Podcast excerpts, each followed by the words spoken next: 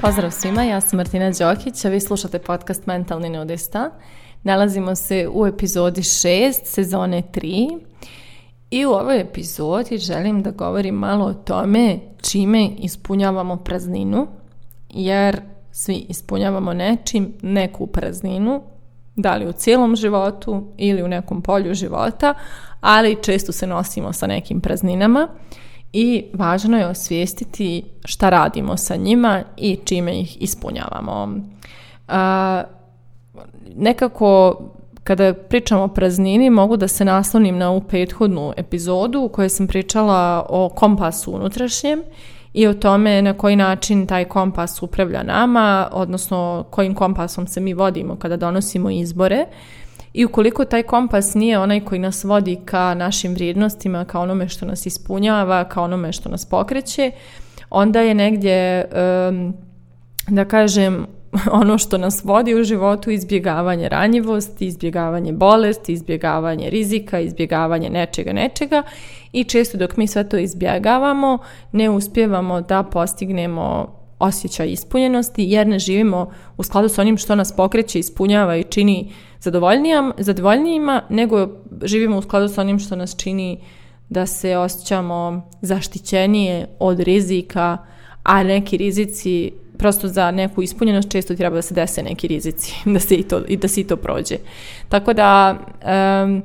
prosto ako nam kompas nije, da kažem, podešen da nas vodi tamo gdje smo ispunjeni i zadovoljni,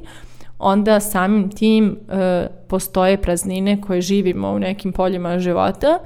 i ako su to neka krupna polja, poput porodičnog života, socijalnog života, poslovnog života, E, slobodnog vremena, e, onda je jako nezgodno jer je ta praznina prilično zahtjevna, odnosno ne možemo se praviti da ne postoji i ne možemo negdje, ovaj, ne možemo ignorisati. Tu je, snažna je, prisutna je. I e, pošto često nekako ne osvijestimo da je, da je ta praznina nas pozvala da ispunimo nečim, mi prosto postignemo tim nekim ispunjavanjem te praznine. Uglavnom to što radimo da bismo ispunili prazninu često jeste malo toksično neko ponašanje. Znači da li radimo previše da ne bismo išli kući gdje se osjećamo usamljeno ili ako smo kod kuće usamljeno, previše visimo na Netflixu i društvenim mrežama, nije važno kako znam, da bismo popunili tu prazninu ili ako smo u svojoj vezi usamljeni i ne osjećamo se više zaljubljeno ili ispunjeno tim odnosom, da li smo nekom trećom osobom ispunili tu prazninu okrenuli se tome ili se okrenuli, ne znam, kafanama, društvu ili opet pretjeranom radu, ali u svakom slučaju uvijek je taj način na koji ispunjavamo neku prazninu e, malo toksičan, odnosno e, predstavlja neku vrstu pretjeranosti i neku potrebu da stimulišemo taj prazni dio sebe, odnosno da nečim, nečim ga pokrenemo, nečim ga zatrpamo i onda na kraju nećemo osjećati ispunjenost kada nečim popunimo tu prazninu, ali bar ćemo kao manje osjećati tu prazninu. Oh, da zaboravih jedan važan način ispunjavanja praznine, hrana. Hrana, uh, hrana kao, kao način da dobijemo neku emociju, što bi rekla moja prijateljica Nutritajna, kompenzatorni sistem za popunjavanje neke praznine u nama, uh, tu je i kurvanje, i kockanje, i alkohol, i svašta nešto tu može da se stavi u, u da kažem, pod taj mehanizam kojim pokušavamo da prevaziđemo taj osjećaj praznine. I ono što ponovit ću opet, ono što je važno da razumijemo jeste da na kraju kada sprovedemo tu neku aktivnost koja je tu za popunjavanje te praznine, mi uglavnom ne osjećamo da smo ispunjeni, mi samo osjećamo da smo manje prazni. Ali često nije neki zadovoljavajući osjećaj na kraju priče, zato što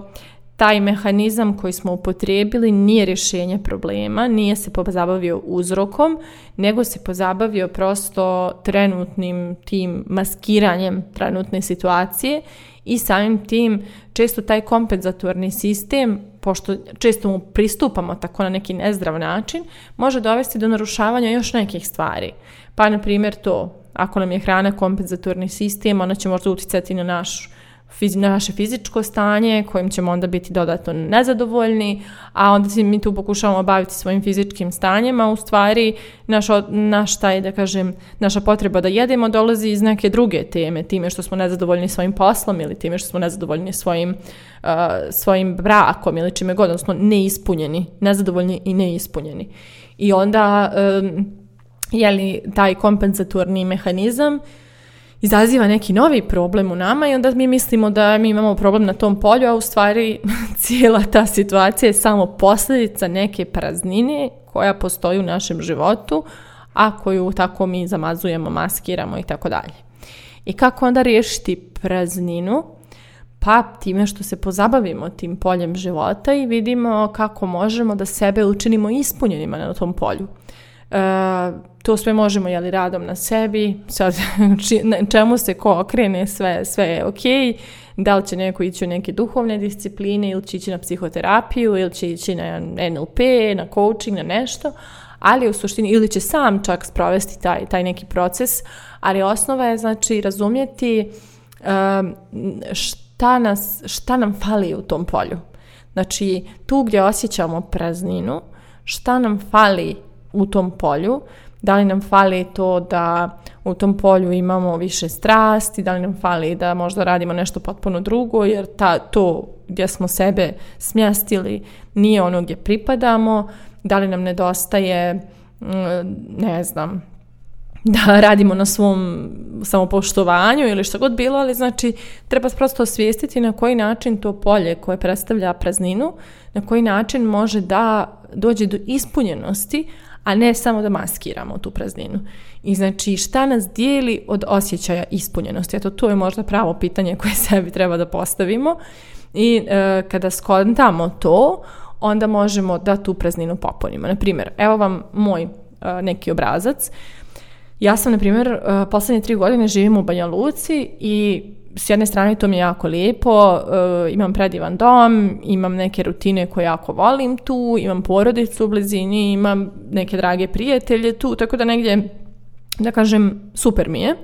S druge strane, eh, imala sam tu tendenciju da se osjećam dosta usamljeno, jer moj krug ljudi je jako mali u Banja Luci, a i taj krug koji imam je dobio djecu ili tako nešto i onda da kažem nemam, nemamo puno nekih da kažem e, mogućnosti da izmišljamo sad ajmo vamo, ajmo tamo, ajmo ovo, ajmo ono, zašto ja imam i vremena i kapaciteta i onda sam ja nekad ono usamljena u tom, ovaj, u, kad sam u Banja Luci i onda sam skontala da ja kad tako osjetim tu neku usamljenost, ja uzmem da drljam po TikToku, po Instagramu, da gledam šesto filmova na Netflixu, ali moj način da ispunim tu prazninu je to, kroz, da se socijalizujem kroz e, internet, jel? I onda na taj način kao pokušavam da prepeglam taj osjećaj usamljenosti, taj, tu prazninu koju osjećam, a onda e, s druge strane na kraju dana ja se osjećam iscrpljeno, mozak mi se zapali od tolike ono stimulacije kroz mreže i filmove i sve ostalo i ne osjećam se ni malo dobro, osjećam se ono bukvalno iscrpljeno i polomljeno, ali kao popunila sam tu prazninu nečim. I onda kada sam s negdje malo sa sobom sjela da malo promijenim taj pristup toj praznini, ja sam skontala da ja mogu tu prazninu da učinim ispunjenom ako radim u tom vremenu, makar i sama, nešto što mene istinski ispunjava. I onda sam preko ljeta imala tendenciju da sa svojim psom idem u jako duge šetnje po prirodi, mislim jako duge, od 2-3 sata, koje, em sam u prirodi koju obožavam i koja me ispunjava, em sam sa svojim psom, em se uvijek dešavalo, pošto smo u Banja Luci, da ja u toj šetnji već sretnem nekoga i da se čak i podružim malo s nekim, tako da, ovaj, e, prosto ta moja praznina se učinila ispunjenošću tako što sam počela kreiram sebi kvalitetan način da provedem to vrijeme i da se osjećam dobro i ispunjeno u tom vremenu. E, također imala sam tendenciju, na primjer, u toku dana ako čitam neku knjigu, pošto je ljeto, da se pokupim, odem kraj rijeke, e, ležim na plaži i čitam knjigu. Nema veze što sam sama, meni je lijepo, u prirodi sam, ležim na zemlji, osjećam se predivno, čitam neku dobru knjigu i nekako nekako sve se, da kažem, na taj način zaokruži. Tako da, ja sam sebi onda našla, jel, taj neki način da ta moja praznina bude zamijenjena nečim što e, ispunjava taj prostor na način koji je ispunjavajući po mene, odnosno koji čak u skladu s nekim mojim vrijednostima a, i da na taj način, da kažem, imam kvalitetno vrijeme. Tako da, eto načina kako može praznina da se zamijeni osjećajem ispunjenosti, a ne da se popunjava nečim. I e, ovo sam, ovo je kažem jedan malo banalniji primjer, ali primjeri mogu biti mnogo krupniji od toga da svoje nezadovoljstvo, ne znam, odnosom u kojem smo zatrpavamo hranom ili prosto što sam rekla nađemo neku drugu osobu kao misleći da smo sad malo bolje, a u stvari mi smo samo prefarbali taj osjećaj s kojim se nosimo, a nismo ga riješili suštinski. Uh, tako je i za, ne znam, e, za posao, ako idemo na posao koji ne volimo i na kojem osjećamo prazninu, možda ćemo vamo nekom, ono, da tu prazninu ispunjavamo nekim alkoholom ili ne, ne, nečim, mislim, pretjeranim alkoholom ili nečim što prosto kao dovodi nas malo u veselije stanje nego u kojem jesmo. Tako da e, postoji prosto tu nekih raznih ovaj, e, primjera koji mogu biti, kažem, puno kompleksniji, puno dublji od toga što se ja osjećam usamljeno jer nemam s kim da popijem kafu u nekim trenucima, ne uvijek. E, ali cijela poenta je znači prvo osvijestiti tu prazninu u sebi, a onda shvatiti čime je kompenzu, čime je popunjavamo, čime je prefarbavamo, a na kraju i dogovoriti se sa sobom šta preduzeti da se praznina zamijeni ispunjenošću. Tako da moje pitanje za kraj ove epizode je da li vi popunjavate svoje praznine nekim nekorisnim ponašanjima ili pak znate kako da taj dio sebe učinite ispunjenim. Mislite o tome, a mi se družimo u narednoj epizodi.